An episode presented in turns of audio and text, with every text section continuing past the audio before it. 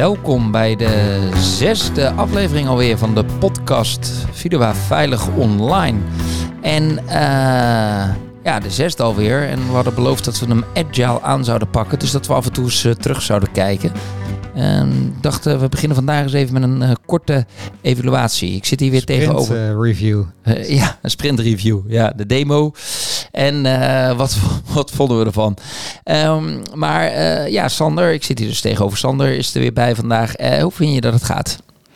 Nou, ik ben heel blij dat ik uh, gewoon uh, dat we onafgebroken de hele tijd over dit, uh, dit onderwerp kunnen praten. Ja, dat, dat, dat vind ik ook een, een zeer positief ding. Ik vind het altijd een, een, een, een feest. Um, we, nou, we halen redelijk goed de frequentie van elke twee weken. Nu nemen we ook elke keer braaf eentje op. Misschien moeten we dat dus een beetje wat, wat langer meer achter elkaar opnemen, uh, zodat we wat uh, voorraad, want het is soms een beetje krap. Maar um, ik heb uh, sowieso het idee dat we wat, wat meer gasten af en toe moeten gaan uitnodigen. Hoe zie jij dat? Ja, dat lijkt me een heel goed idee. Ja, ik heb er zelf een paar op het oog. Heb jij ook nog mensen die, waarvan je denkt, die zou ik...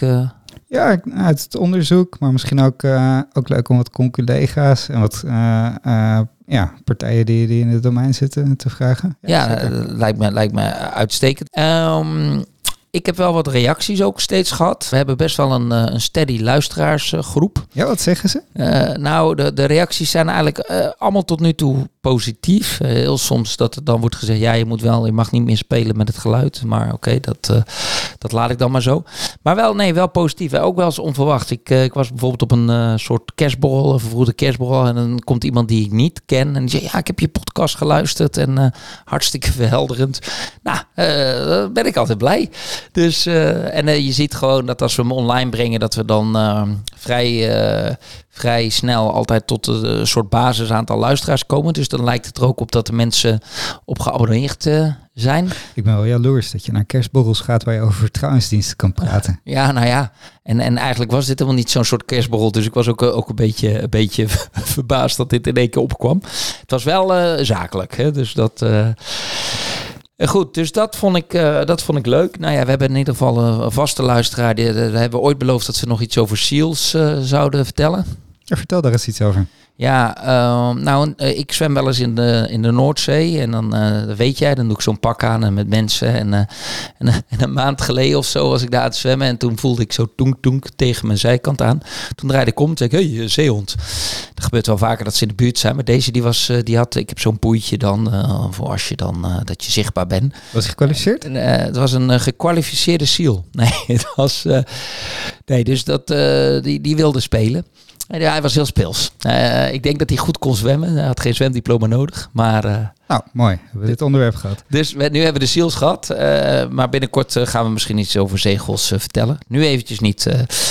Um, ja, dus ik, ik denk dat het op zich wel goed gaat met de podcast. en we gaan er in ieder geval nog eventjes mee door. Want we hebben best wel veel nog te bespreken. En uh, één ding wat ik wel nog even mee wilde geven, wat ik wel erg leuk vond. Ik zat uh, vorige week bij een voorstelling van Jentel en de Boer. Uh, Modderkruipers heet die. Een leuke voorstelling voor de mensen die nog iets, iets willen, willen in, die, in die hoek, theaterhoek. En nou, zij, maken, ze hebben twee keer de Annie M. G. Schmid prijs gewonnen, maar allemaal liedjes over de dagelijkse beslommeringen. En in een van die liedjes ging het over de dagelijkse beslommeringen. En toen kwam de, de despair van al die mijnomgevingen langs. Dus mijn vattenval, mijn dit en mijn dat. Dat was letterlijk. Uh, en dat, dat, dat ze daar heel moe van werd. Dat ze daar allemaal uh, ja, passwords en gedoe mee had. Toen dacht ik, nou kijk, als het al zo in de populaire cultuur terechtkomt dat we hier iets mee moeten, dan um, geeft mij dat, stemt mij dat uh, uh, positief. Want uh, ja, dat is natuurlijk een probleem wat wij hier aan het oplossen zijn. En dan zien we ook, iedereen moest ook lachen in de zaal op dat moment. Hè, dus je het werd herkend. Dus dat vond ik, vond ik erg leuk. Um, dus we gaan door met de podcast. Beloof dat voor de volgende kerstborrel staan.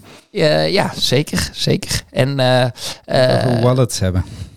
ja, als wij, kijk, ik denk dat wij over een tijdje, nu moest ik nog me, me, zeg maar daar inschrijven. En dan werd er nog gevraagd van wie bent u, zeg maar. En die moest aankondigen dat je kwam en niet iedereen was welkom. maar dan heb ik het hopelijk in een qualified attestation in mijn wallet. Qualified attestation, electronic attestated attribute, moet ik zeggen. En dat ik zo gewoon er tegenaan houden ergens. En dat ze dan zeggen, plung, en u mag naar binnen. Ja, kun je gekwalificeerd naar binnen. Ja, dat, dat lijkt mij nou... Uh, dus laten we die voor, de, voor volgend jaar, onze kerstborrel, beloof ik. Dan kunnen mensen naar binnen bij deze met een uh, qualified uh, electronic attestated attribute. In ieder geval met een electronic attestated attribute. Ja, top. Met een walletkaartje. Ja, gaan we doen. Oké, cool. Um, genoeg uh, te vertellen over de actualiteit. En daarna, uh, nou ja, je, ik zie je tegenover me zitten. Je ziet er een, soms een beetje vermoeid uit, Sander. Dus uh, ik weet waar je allemaal mee bezig bent, dat je heel hard werkt. Dus daar wil ik ook nog het een en ander over horen. En dan heb ik het natuurlijk over de ontwikkelingen op het gebied van de wallet.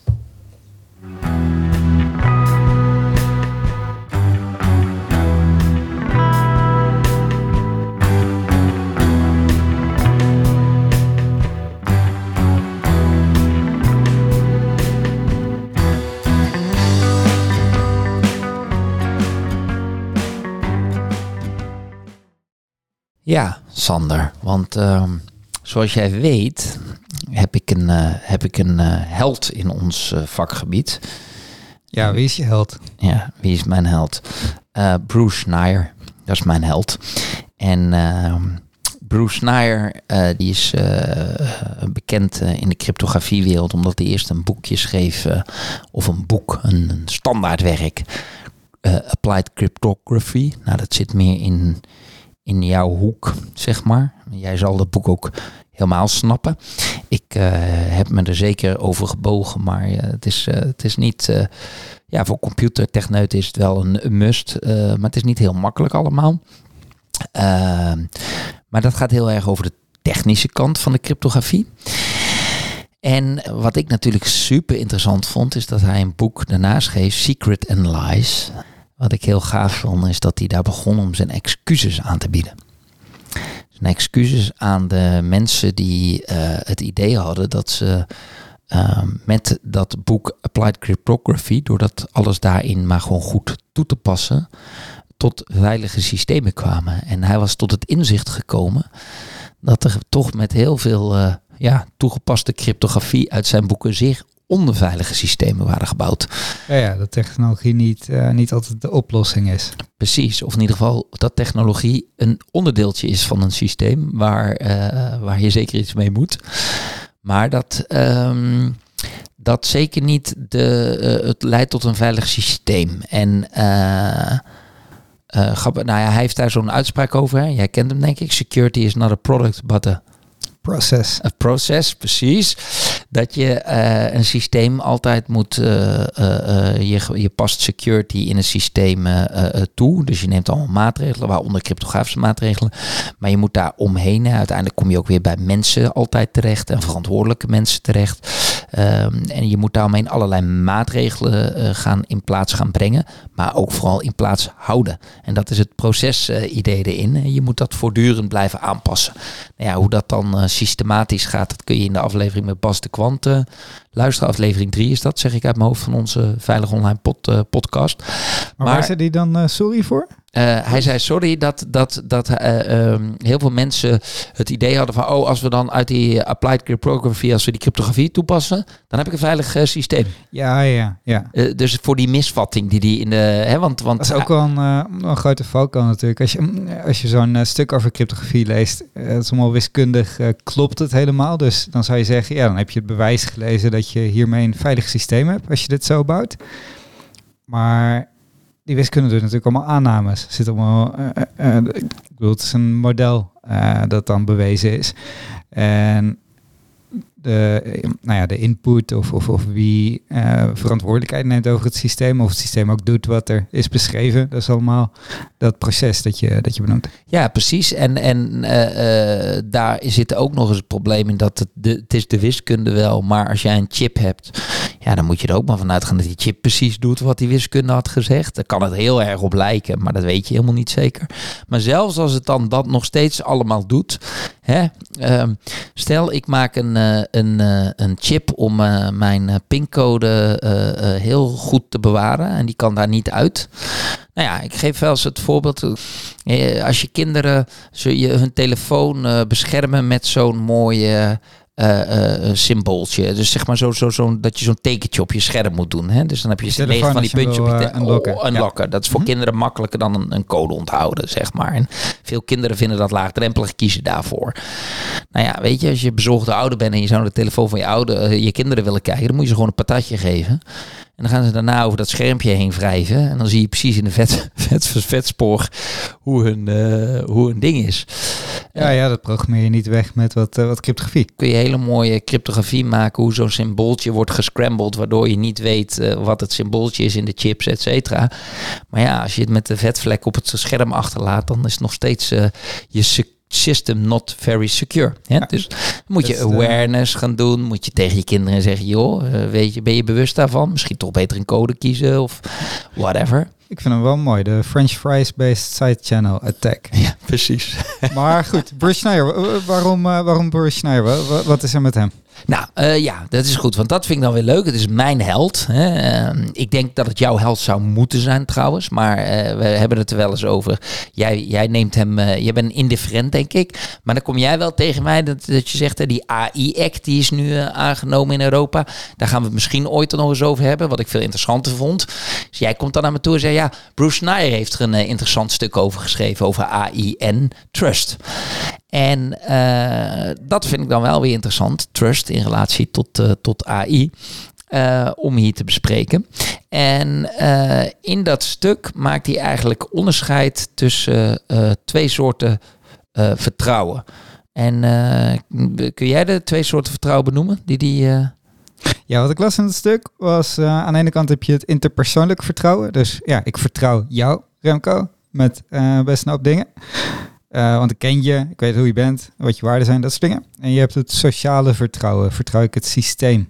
Uh, durf ik de straat uh, over te steken? En uh, kan ik er dan vanuit gaan dat, daar, nou, dat ik dat waarschijnlijk overleef als ik me aan de regels hou? Ja, dus je bedoelt het systeem het stoplicht. Er staat er een stoplicht. Stoplicht. Jij ga, en jij vertrouwt op dat de gemeente daar goede stoplichten heeft weggezet die op het juiste moment op groen gaan ja. en niet op het verkeerde moment op groen gaan. Precies, en ik vertrouw erop dat, dat er geen dingen op de weg zijn die veel harder dan met 120 km per uur gaan. Dus ik, ik kan links, rechts, links kijken en dan gaat er niet opeens een uh, trein met 300 uh, uh, over die weg. Precies. Ja, dus het systeem is zo ontworpen, weggezet en onderhouden. En daar kijken we, hè, systemen eindigen bij ons vaak bij uh, uh, overheden, hè, die dus uh, handhaven, die toezicht houden en daar weer allerlei subsystemen onder realiseren. Overheden en dan weer de democratische systemen daaroverheen, die die overheden kiezen of inrichten. Ja, ja en dan dat systeem vertrouwen. Um, dus wat is dan het probleem met AI? Want AI is ook gewoon zo'n systeem. Toch? Ja, dus je, ja, als je, als je de, dat systeem helemaal kent, uh, misschien zelf hebt gemaakt, ja, dan kan je daar, kan je daar controle over hebben. En nou, dan kan je dat systeem vertrouwen er wel in hebben. Wat, wat Schneider zegt, is dat we heel vaak systemen, zeker nou, IT-systemen en dan ook al helemaal zeker AI-systemen, uh, dat persoonlijke vertrouwen toekennen. Dus naarmate zo'n systeem veel meer op een, of steeds meer op een mens gaat lijken, of, of op een, uh, nou ja, uh, bijvoorbeeld zo'n, denk aan zo'n chatbot. ja, dat voelt soms een beetje alsof daar echt een assistent jou aan het helpen is. Ja, dan gaan we daar dat interpersoonlijke vertrouwen aan toekennen. Terwijl ja, daar toch echt gewoon een systeem achter zit met een uh, vaak best wel grote organisatie en uh, dat soort dingen. En daar, is helemaal niet een mens aan de andere kant dingen naar jou aan het terugtikken. En, en hij gedraagt zich alsof hij um, dan jouw medewerker bijna is. Die eigenlijk in jouw belang uh, jouw wensen uit moet voeren. Of, of een vriend hè, die in jouw beste belang aan het meedenken is. Ja, grapjes maakt. Ja, maar je weet niet zeker of die in jouw belang aan het, aan het werken is. Je weet zelf niet goed wat voor systeem daarachter zit. Ehm, eh, en uh, ja, je, je weet niet of die daartoe in staat is. Uh, je doet helemaal geen zaken ook op die manier met, met, met die chatbot. Want je doet eigenlijk zaken met een, een Google of een Open, een, een ChatGPT. en organisatie die daarboven zit, toch? Mm -hmm. Zo moet ik het zien. Ja, ja, ja. En dat is een, al een vrij oude discussie hè, uh, over hoe moet je nou uh, van dit soort besluitsystemen zien. Ik ben daar zelf altijd voorstander van om ze gewoon echt nog steeds als tools te zien. En waarom? Uh, ik kan een, een, een chatrobot niet aansprakelijk stellen voor zijn antwoorden. Ik kan hem niet in de gevangenis gooien. Hij kan daar ook geen verantwoordelijkheid voor nemen. Nee, je kan hem, je kan hem uitzetten. Ja. Maar ja, zelfs als gebruiker heb je, ja, dan kan dat natuurlijk niet. Nee, de, maar, maar, maar de, de, er zit altijd een organisatie daarboven. Ja, ja, die ja. laat mij in het begin ook algemene voorwaarden tekenen en zo. En daarmee heb je een relatie. En, en die organisatie kun je wel aansprakelijk stellen. Toch? Dat, dat is het idee. Ja. Dus als je gaat reguleren, dan moet je ook reg zo reguleren, zegt Snyder, dat je de, um, het, het, het gedrag van de makers van dat soort systemen gaat uh, uh, bepalen. ja, hoe zij makers. daar ethisch mee om moeten gaan, toch? Precies, en beheerders. Of, de, de beheerders. Dus de, de, uiteindelijk is het een organisatie die besluit wat het systeem wel en niet kan. Dus wat voor input accepteert het systeem? Wat voor verwerkingen doet het systeem? Wat, wat kan het systeem bereiken? Kan het, kan het e-mails versturen? Kan het andere mensen opbellen? Ja, ja, dus en dat, uh, dat is ook van uh, uh, mijn gevoel, wat ik een beetje de afdronk van, van zijn, zijn blog, hè, zijn column, was ook van ja, geef me geen limitering op AI, maar geef me ethisch gedrag. Toch, dat, dat, is, dat, is, dat is volgens mij, mij de kern. Je bent op zoek naar ethisch gedrag en je kan daar technologie voor inzetten. En uh, ethisch uh, gedrag, daar hoort een stukje transparantie bij. En daar hoort een stukje. Um, je moet goed weten uh, wat je van dat systeem kan verwachten. En wat je ook niet kan verwachten. En als, je, als, als dat systeem dan toch wat jij afneemt van die bovenliggende partij, jou daar een, een loer draait. Terwijl je in de, in de overeenstemming had staan dat je iets dat je kon verwachten dat hij je zou helpen. En hij gaat volledig tegen je belang in. Dat je ook weet van nu kan ik die partij aansprakelijk stellen. Want dat is niet wat wij ethisch gedrag noemen. Uh, iemand een, iets beloven en iets totaal anders doen. Dat systeemvertrouwen of dat sociaal vertrouwen, dat moet toch uiteindelijk gaan over wat verwachten we van organisaties, van, van, van partijen die, die ook echt rechten en plichten hebben. Ja, die, want, die je ook kan reguleren. ja, want dat is volgens mij nog een van die punten die ik vaak in die discussie snel mank vind gaan. AI heeft gewoon geen is niet een legal subject. Uh, de technologie is geen legal subject. Uh, nee, en hij heeft ook geen, uh, geen wil uh, of, of de, dat soort dingen. Dus dat, dat benoemt hij ook, die angst dat AI op een gegeven moment ons over wil nemen. Of be bepaalde dingen doet. Ja, dat, dat, er zit geen agent uh, die op een gegeven moment besluit dat de mensenvijand is. Dat is dan toch vooral een, uh, een organisatie die een systeem heeft aangezet dat, dat, dat dit soort uh, IT-techbeslissingen kan nemen. En ja. dan is het aan die organisatie wat, wat zo'n AI-model daar dan wel of niet mee kan. Ja, en ik zie zelf ook het risico, en dat is wel grappig. Kijk, om even het altijd in de extreme werkt vaak voor de discussie goed. Je zou een robot kunnen maken en die moet dan schieten op uh, overvallers die uh, kinderen ontvoeren. En die kan heel mooi gericht schieten en die kan dat AI, uh, AI helemaal afwegen. Um, nou, is gemaakt, wordt nou, gewoon eigenlijk Robocop. En die wordt dan, die wordt dan geleverd aan, aan de staat of aan een partij. En ja, de angst is natuurlijk dat als er allemaal rommel in die robot zit en die robot allemaal te veel autonomie heeft en te veel zelf besluiten gaat nemen, dat die robot op een gegeven moment toch een foutje heeft. Die willekeurig mensen uh, af gaat knallen. Dat is de angst. Uh, maar dat betekent dus dat het risico in AI in zo'n extreem geval zit veel meer dat je um, dat, dat de, de technologie ons mogelijkheid geeft momenteel om onzorgvuldige systemen te maken. Net als dat je bijvoorbeeld een, een, een kettingzaag zou maken die zodra je aan het koordje trekt als een veel te ja, een beetje op hol slaat omdat de motor veel te zwaar is. Ja, dan zaag je ook alles en iedereen in je omgeving uh, met zo'n tool. En dan zeggen we dat is geen goede tool. We dat is geen goede kettingzaag. Die, die, die slaat op hol, er zit een veel te zware motor in.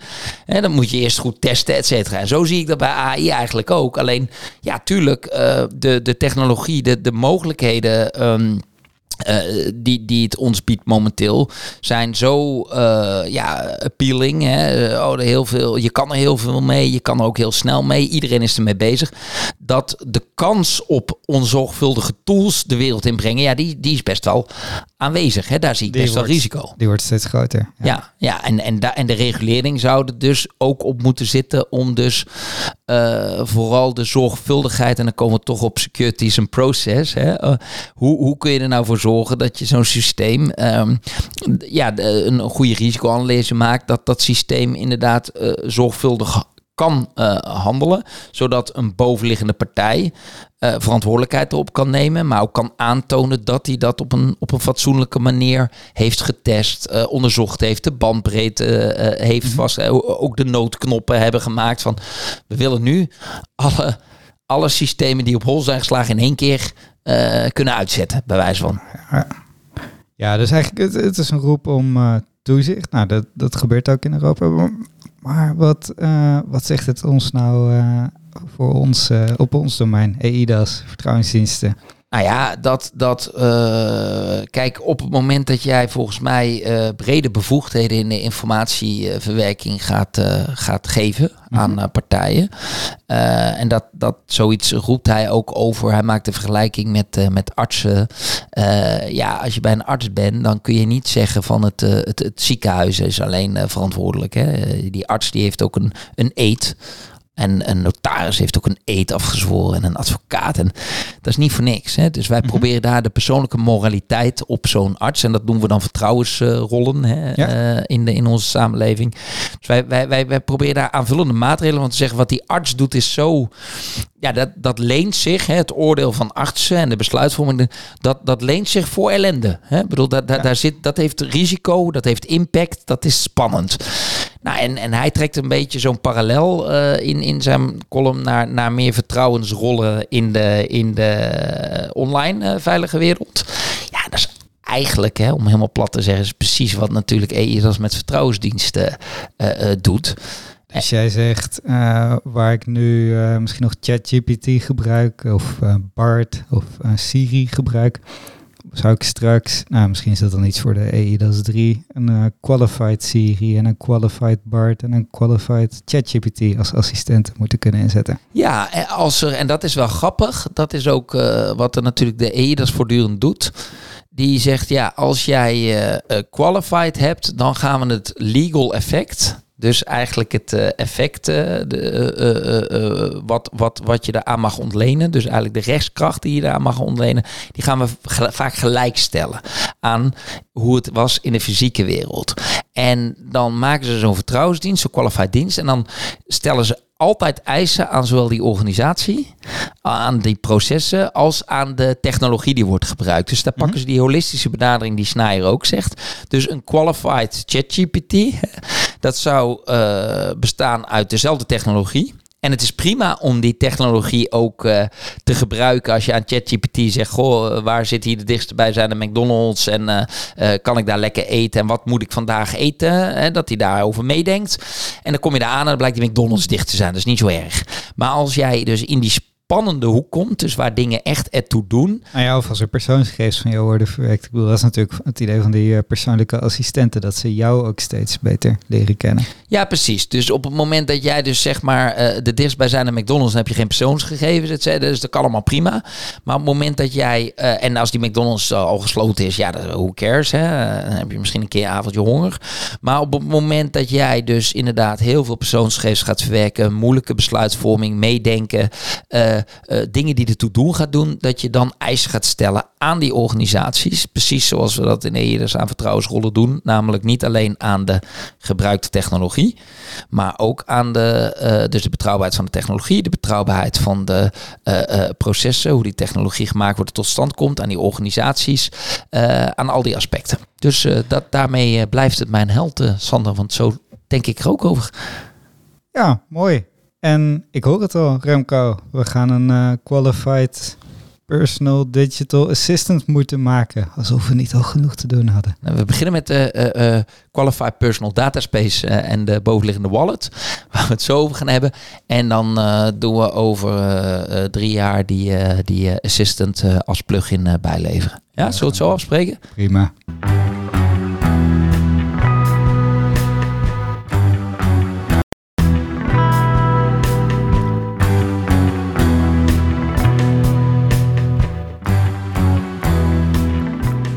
Goed, Sander. Sander. Even kijken. Uh, slaap jij nog wel eens? Dat was eigenlijk de vraag die ik uh, wilde stellen. Oeh, confronterende vraag. Ja. ik zie jou uh, soms hier weggaan. En dan hebben we overdag gewoon aan onze producten gewerkt. Mooie release geweest. Mag je zo nog wat over vertellen? Maar dan ga je naar huis en dan doe je nog wat, wat crypto werk. Heb je dan de volgende ochtend gedaan? en dan overdag zit je ook tussendoor nog in allerlei calls. En s'avonds nog wel eens met, dat, uh, met die potential. Uh, ja, uh, hou je het nog wel naar vol nog na de kerstvakantie? Of, Nou ja, het, is nog even door, doorbikkelen volgens mij hier in Europa met z'n allen. we moeten binnenkort toch echt die wallets werkend hebben en aangesloten hebben. Dus, je, maar je hebt nog wel de moraal dus. Er is zoveel te leren op dit uh, onderwerp. Dus, ja. Uh, ja. En daar krijg jij energie van, want tot dingen liggen, toch? Ja, daar krijg ik wel energie. Zeker. Weinig slaap. Weinig slaap. Maar je bent dus uh, met, die, met die wallet mooi bezig. En ik wou nog... we hebben vorige keer natuurlijk wat over die architectuur gehad. En toen dan, zijn we geëindigd met een verhaal over een soort hybride vorm waar we aan, aan werken. En ik wilde daar nog wat, wat dieper op, op inzoomen. En uh, om dat te doen wilde ik jou eerst eens vragen van, we hebben het steeds over uitsluitende controle. En wat kun je me dat nog eventjes uitleggen, wat je daarmee bedoelt? Uitsluitende controle, ja. De, de sole control uit de, uit de EIDAS uh, standaarden. Ja, dus de, uh, het is de naam die ze gebruiken voor de eigenschap dat alleen ik als, uh, als uh, belanghebbende, als rechthebbende, bij, uh, bij die sleutel kan. Dat alleen ik kan bepalen of er met die sleutel iets wordt ondertekend. En heeft dat dan, heeft dat dan te maken met hè, wat we vaak horen bij beveiliging met two-factor authentication, twee factoren?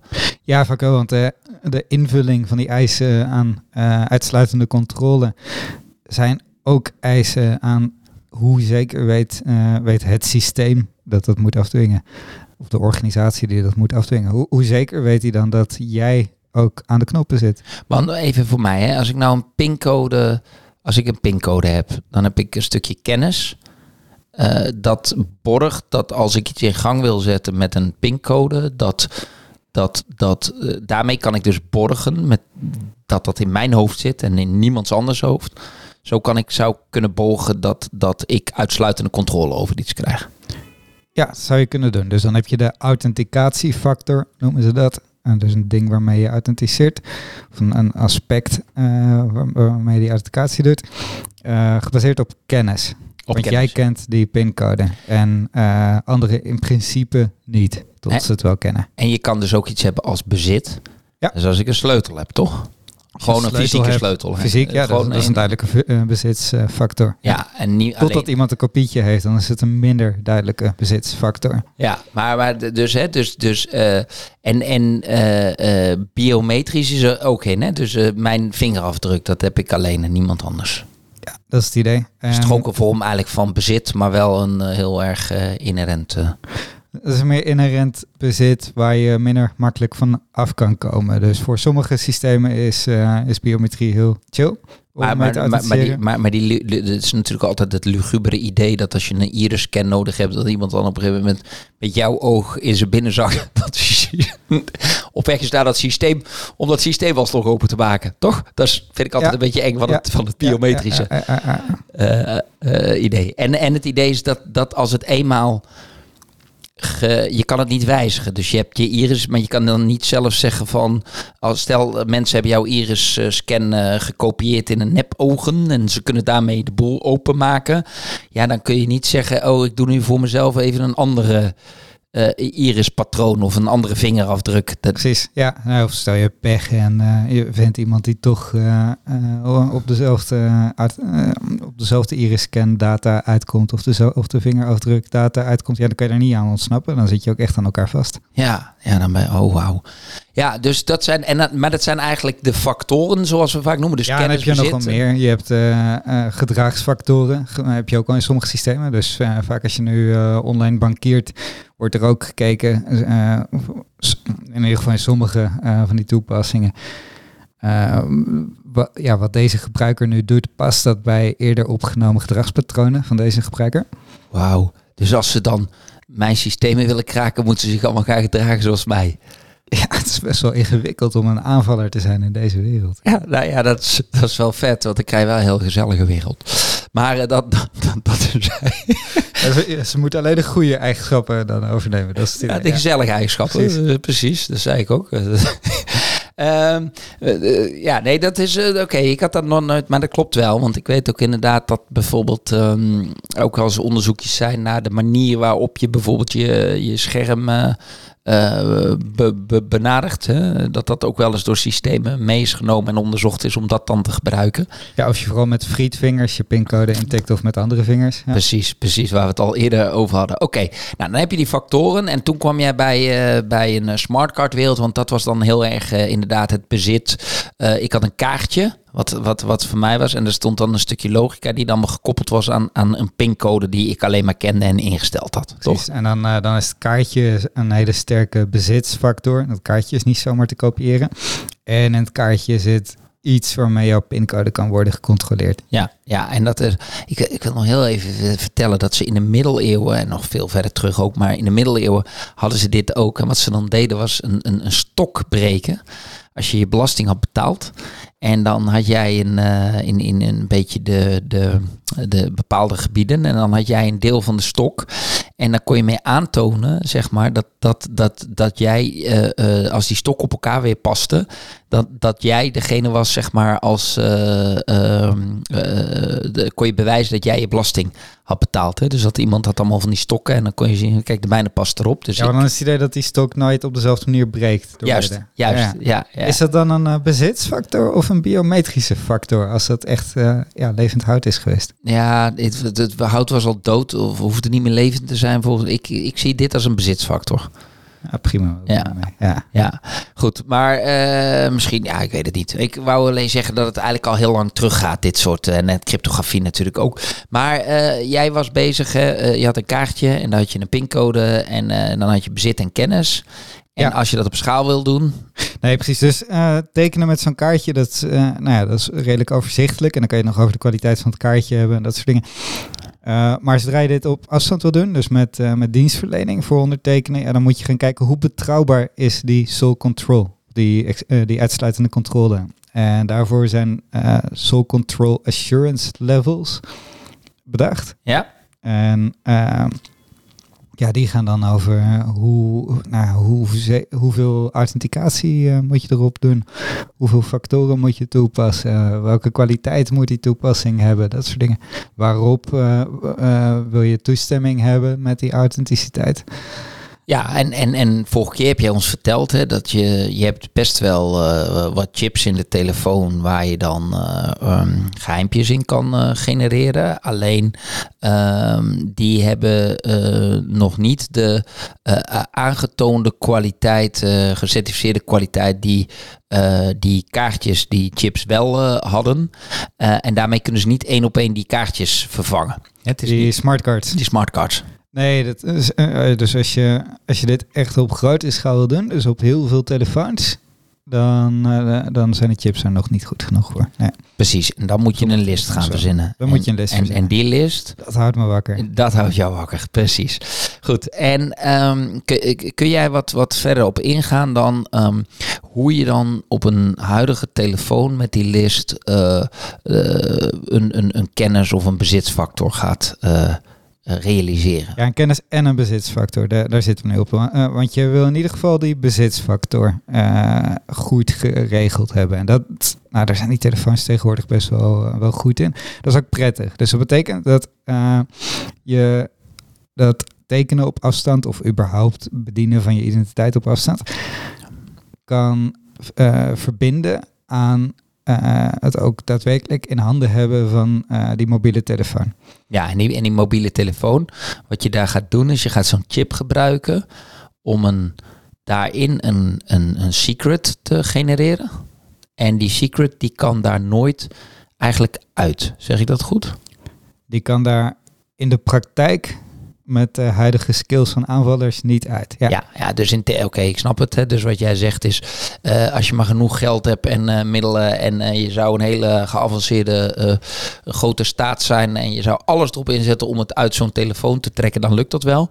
Maar de gemiddelde attacker kan dat niet op afstand doen. Nee, en zelfs state actors zullen dat nu ja, die zullen nu naar een andere weg zoeken als ze uh, iets met iemands identiteit uh, willen of iets met iemands gegevens. Ja. Dan is die, die, dat geheimpje uit zo'n chip trekken echt gewoon veel te duur. Oké, okay, dus dat is een heel ingewikkeld iets.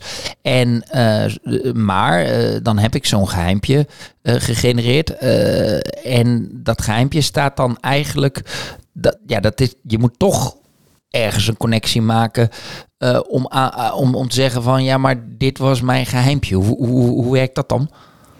Ja, dus voor die bezitsfactor, voor dat geheimpje in je telefoon die dan met zo'n chip is, uh, is beveiligd, uh, gebruiken we in de praktijk overal inmiddels wel uh, handtekening, algoritme. Dus als jij nou, als je nu met Vidua tekent, gebruik je zo'n handtekening algoritme om uh, te bewijzen aan onze servers dat, uh, dat jij dat commando ook van jouw telefoon geeft. Maar ook, uh, ik weet niet of je als een passkey hebt gebruikt. Dat is het, wat je nu voor inloggen op het web wel eens ziet, dat je dan geen wachtwoord meer hoeft, meer hoeft in te vullen. Ja, wat je onder water in feite krijgt, is een sleuteltje dat ergens aan vast zit en waarmee je op basis van handtekeningen laat zien dat jij uh, uh, ja, bezit over dat sleuteltje hebt. En, en het idee is dat je dus uh, het geheimpje zelf niet hoeft te hebben, maar je kan wel toetsen of het, het, ju of het juiste geheimpje bewaard Precies, het is asymmetrisch. Net als ja. jouw stok die je in tweeën deelt, in tweeën breekt. Dus als ik wil laten zien aan de Belastingdienst dat ik mijn belasting heb betaald, hoef ik niet mijn deel van de stok aan de Belastingdienst te geven moet alleen laten zien dat hij erin past in, in het deel dat zij hebben overgehouden. Ah ja, precies ja. Dus, en, en je kan dus niet, het is ook uh, heel lastig om, um, als jij het, de, de, het deel van de stok hebt, om dan precies die andere stok na te maken. Ja. Ik bedoel, dat kan wel, maar dat duurt heel lang. Precies. Ja, en en dat duur. is eigenlijk altijd het idee, toch? Ja, uh, ja, Oké. Okay. Nou, dat was die bezitsfactor. Factor. Ja, nou, dan heb ik er één. Ja, nou, het tweede wat je uh, meestal hebt eigenlijk bij die wallets, uh, in ieder geval bij de onze, is de kennisfactor. Dus een, een pincode of, of, of, soms een ander wachtwoord.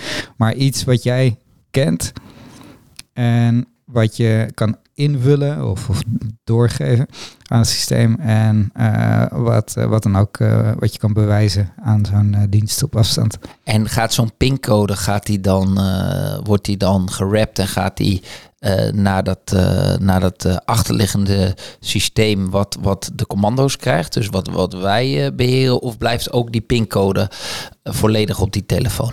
Ja, daar heb je dus verschillende modellen op. En nou, dat is een van die dingen die me dan wakker houdt. Dus welke, welke kies je en wat, wat voor mogelijkheden heb je daar eigenlijk? Dus klassiek. en zeker dan even los van die wallets en vertrouwensdiensten. Als je inlogt met username wachtwoord op een website, was het heel gangbaar dat gewoon jouw wachtwoord naar die website werd gestuurd. En dan keek, keek die applicatie of dat hetzelfde wachtwoord was als in de database staat.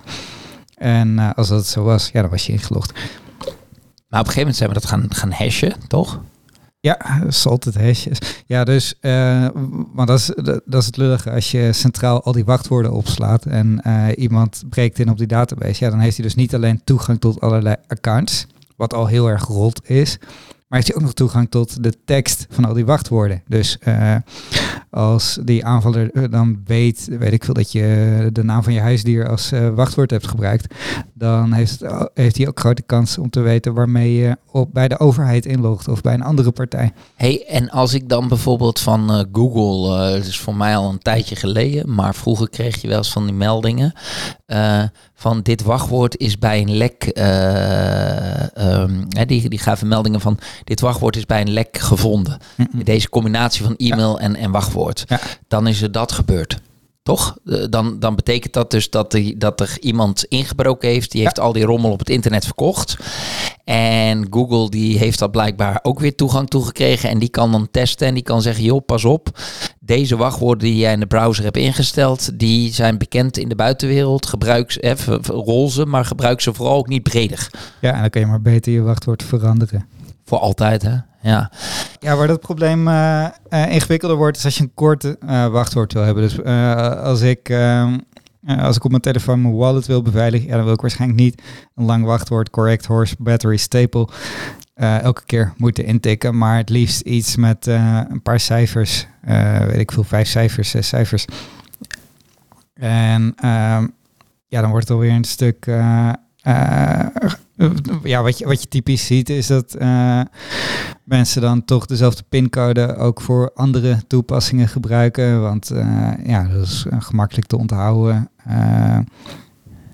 en nou ja, dan wordt het probleem alleen maar groter natuurlijk. Ja, en jij zegt het wordt, het wordt zo kort. Dus ja, als je oneindig mag raden, dan ben je ook binnen no time wel binnen. Ja.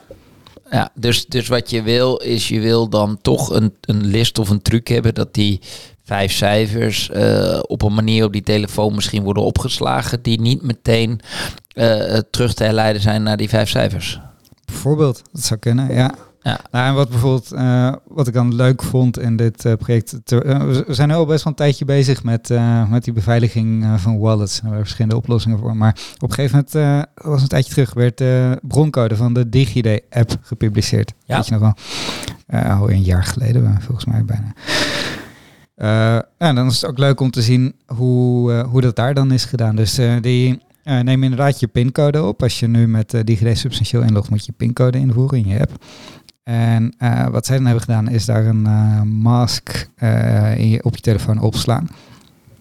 Dus nou, ik weet niet of het even. Nou, zeg vijf andere cijfers en daar doe je dan een, een sommetje op. En in plaats van jouw pincode gaat dan je gemaskeerde pincode naar de server. Oké. Okay. Dat is elegant, want dan hoeft die server niet te weten dat jij altijd je geboortedatum invult, bij wijze van spreken.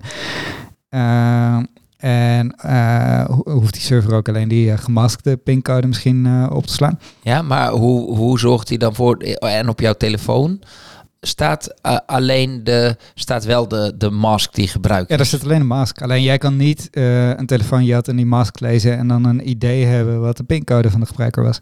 Nee, je ziet alleen de mask. Ja, je ziet alleen de mask. Ja, uh, ja en het sommetje wat eruit komt, dat is ooit wel naar de server gegaan. Oké, okay, dus, dus, Ja, dus je hebt dan zowel die, uh, die telefoon met die mask nodig... Ja. En uh, toegang, oneindige toegang tot die server om de pincode van iemand uh, te achterhalen. Dus om, uh, om pogingen te doen en erachter te komen of, of je poging correct was. Ja, en dat is waarom we vaak een limitering zetten, toch? Dat je het vijf keer mag proberen. Ja, dat kun je dan vanaf die server afdwingen. Want dat is één probleem als je soul control op een telefoon wil regelen is dat op de gangbare iPhones van nu en de gangbare Androids van nu je die limitering niet zo heel goed kan doen. Dus uh, stel je houdt daar een tellertje bij.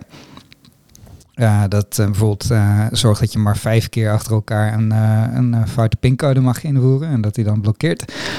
Wat een uh, aanvaller zou kunnen doen is uh, een backup maken van je telefoondata en na vier pogingen die backup recoveren en dan staat het telletje weer uh, gereset.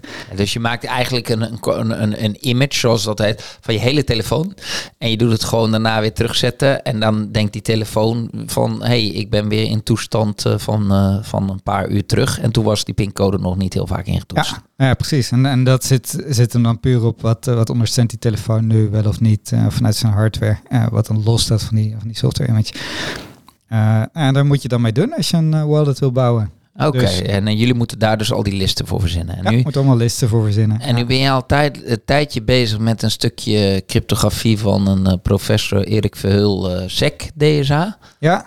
Uh, kun je me daar wat dan, want daar, dit gaat daarover toch? Dit gaat dit daarover, ja. Dus wat, wat hij heeft uitgevonden is een manier om die bezitsfactor, dus uh, nou ja, wat ik al zei, uh, dat is in feite gewoon een sleuteltje op mijn telefoon waarmee ik handtekeningen kan maken. Combineren met een kennisfactor. Dat is die pincode? Dat is die pincode in mijn geval. Kan je trouwens ook met biometrische factoren doen, maar dat is weer een subtiel, subtiel verhaal. maar de, combineren met een andere factor? Je kan het combineren met een andere factor, dat is het idee. En dan kan je uh, een protocol maken met, met een centrale server, of, of in ieder geval met centrale dienstverlening, om, uh, uh, om opdrachten voor, de, voor zo'n wallet te bevestigen. En ook te controleren of dan die aanbieder van die wallet uh, niet andere dingen met jouw uh, sleutels doet dan, uh, dan waar jij die opdrachtbevestiging voor hebt gegeven. Maar even, even hè, klinkt interessant, maar kun je even uit, waar staat SEC DSA voor? SEC DSA, dus met een C is SEC DSA. Dat is Split Elliptic Curve Digital Signature Algorithm. Ja. En uh, nou, die laatste vijf letters, uh, dat, was al een uh, vrij traditioneel ondertekensysteem. Zit ook in alle telefoons die je nu, nu kan krijgen. er wordt heel veel gebruikt, ECDSA. Ehm, en de uitvinding is, ja, hoe maak je daar een split key systeem van, zodat je die combinatie van authenticatiefactoren goed controleerbaar maat voor, voor de buitenwereld. Ja, dus je maakt eigenlijk een blend van die uh, dat bezit, uh, sleuteltje en de kennisinformatie. En die mix, die uh, kan je, als je die toepast in je telefoon, dan, um, en dat blijft allemaal op je telefoon, dan komt daar dus, kun je daar dus een, een, briefje, noem ik altijd, een opdrachtbriefje mee sealen. Gewoon verzegelen. En als jij die naar de server toe stuurt, dan kan die server zien, die kan dan met zijn andere deel van de stok vaststellen. Dit briefje paste op de, op de stok, zeg maar. Dus dit briefje was echt, kwam echt uit die telefoon. Ja, precies. En wat, wat er het innovatief aan is, is... want je hebt het over het verzegelen van, van zo'n briefje. wat je hier doet, is het ook echt publiek verifieerbaar maken. Dus net, net zoals inderdaad de gekwalificeerde zegel, waar we nog eens over zullen gaan praten.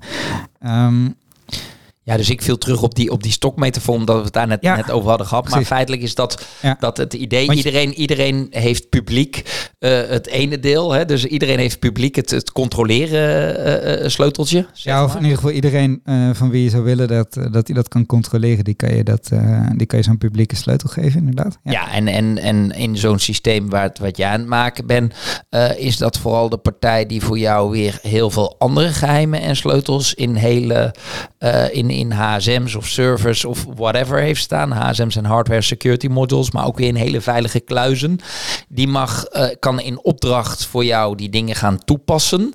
Alleen uh, dan moet hij wel de juiste opdracht uitvoeren. En het idee is uh, volgens mij dat, dat die systemen weer zo ontwikkeld zijn. Wij voeren alleen zo'n opdracht uit als daar zo'n goed briefje binnenkomt wat past bij de publieke kant of bij de controleerkant van, dat, uh, van die blend van die twee sleuteltjes.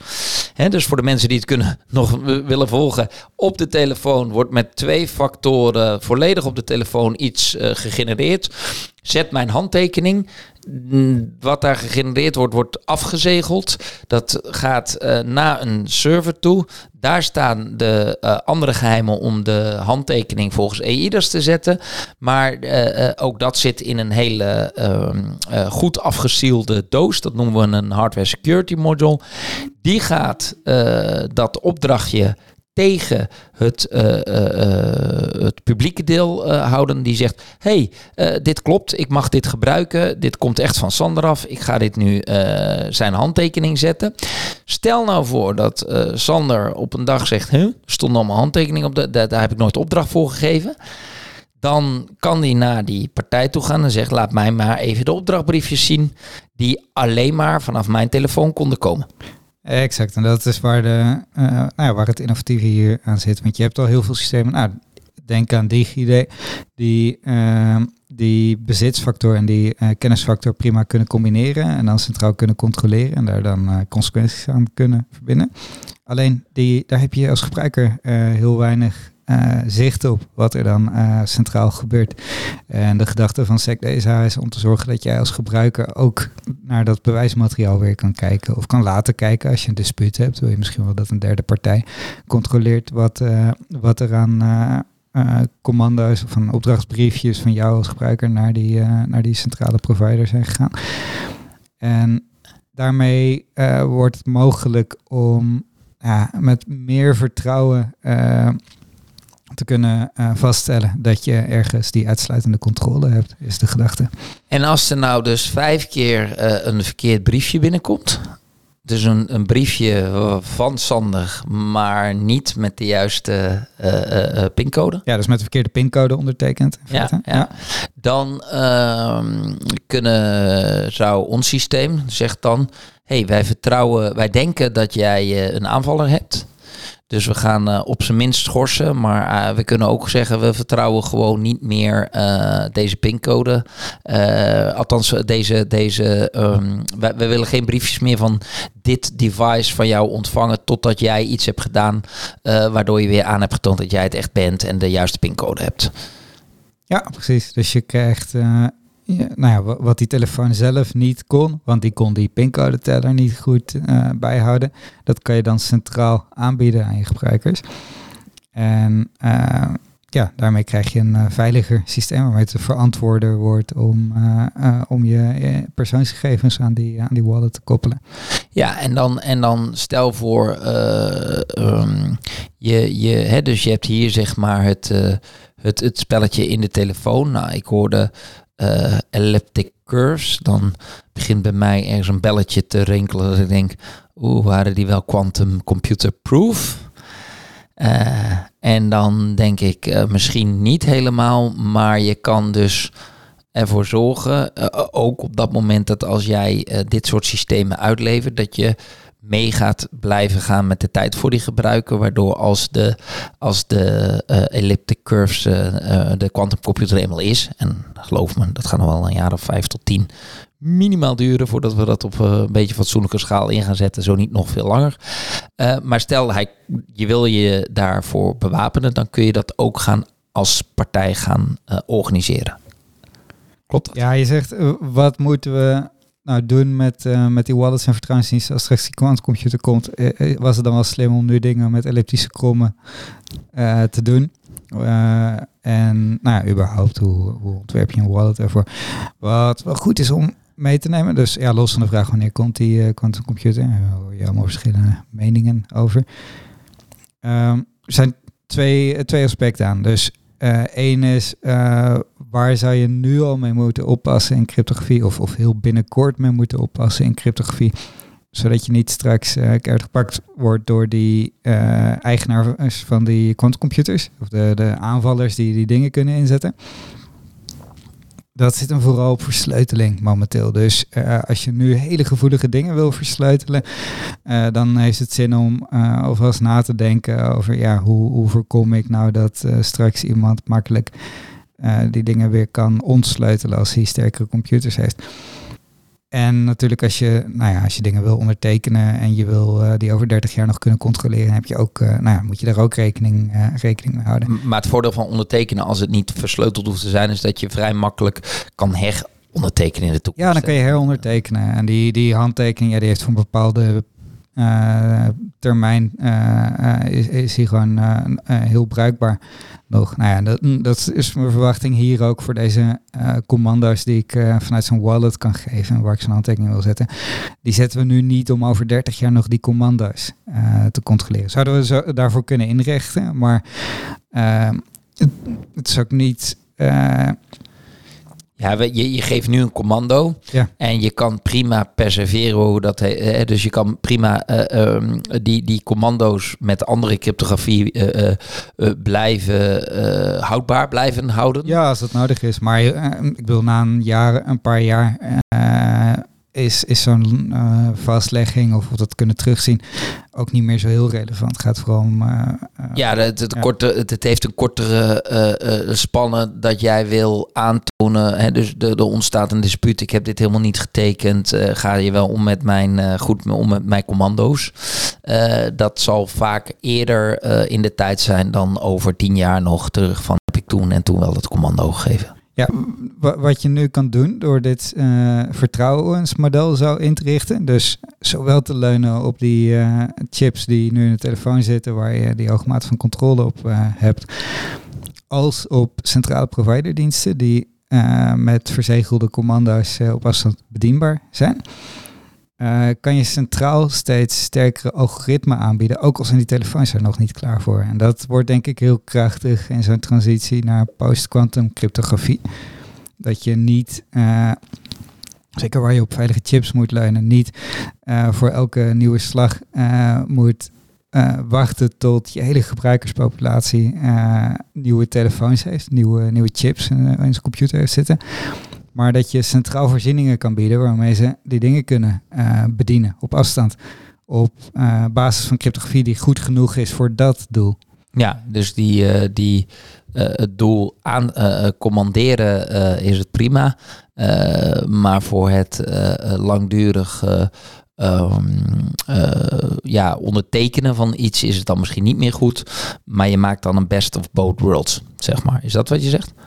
Ja, ja, ja. Oké, cool. Ehm, mooi. Eh, weer een stukje wijzer. Ja, eh, we gaan dit een paar keer doen, dit, eh, dit verhaal. Want het is essentieel, denk ik. Alleen ook wel heel, heel complex. Er zitten wat interessante dingen in de pijplijn. Ehm, want jij bent dit ja, gewoon echt ook... aan het implementeren op, op eh, diverse manieren. Eh, wat ik eh, heel interessant vind. Dus we gaan hier ook binnenkort, de mensen zijn hier gewoon mee live, zonder dat ze dat misschien weten. Ja, nou, we hebben net een hele toffe release gehad. Alleen, ja, daar merk je als gebruiker niet zoveel van. Want het zit allemaal nog onder de motorkap. Maar om de, onze wallet hiervoor klaar te maken. En nou ja, komende maanden volgen nog een aantal. En dan hoop ik ook dat we, eh, ik bedoel, ja, die paper waar het op is gebaseerd en de, de wiskunde en zo, dat is allemaal openbaar. Maar dat we ook eh, meer kunnen gaan publiceren over hoe werkt dat dan in ons systeem? Hoe passen wij dat dan toe? Ja, want we gaan daar die, die transparantie natuurlijk eh, eh, geven. Ehm, het zorgt er ook voor, dat is een mooie eh, bijkomstigheid, dat we onze systemen ook makkelijker onderhoudbaar, eleganter en ook makkelijker ehm, eh, openbaar te maken zijn. Hè? Want we, we, we, we baseren ons toch soms hè, tegen bepaalde aanvallen door eh, dingen niet eh, helemaal volledig transparant eh, te maken. Nou, we hebben het wel eens open, over open source gehad. Eh, dit is ook de weg naar die volledig open source en transparante wallet, toch? Ja, ja, ja, waar je straks alles van me mag weten behalve mijn CA-sleutel. Ja, en je pincode, toch? Eh, Ja, en mijn pincode. ja, die mocht juist niet, toch? Oh, dat was me, ja. Nee, maar ehm, oké, cool. Ehm, dat gaan we binnenkort allemaal doen. Eh, en ik denk dat we, ik hoop dat we dus nog eh, voor de kerstvakantie, eh, zodat mensen in de kerstvakantie die ons dan misschien wel voor het eerst luisteren, denken, wow, dit is vet. Dan hebben ze ook wat te doen. Hè. Het zijn van die, van die dagen dat je bij je schoonfamilie uren op de bank moet zitten. Nou, dan doe je van die kleine earpods in en dan luister je gewoon onze, onze podcast, toch? Precies. Ja, nou, dan gaan we daar zeker heel veel over horen. En dan eh, gaan we ook tegen die tijd goed eh, mensen uitleggen waar ze wat kunnen vinden voor de echt geïnteresseerde mensen. En voor de mensen die zeggen, nou, laat het maar vooral hoog overhouden. Die luisteren gewoon dan naar onze podcast. Ik wens jou een prettig weekend, Sander.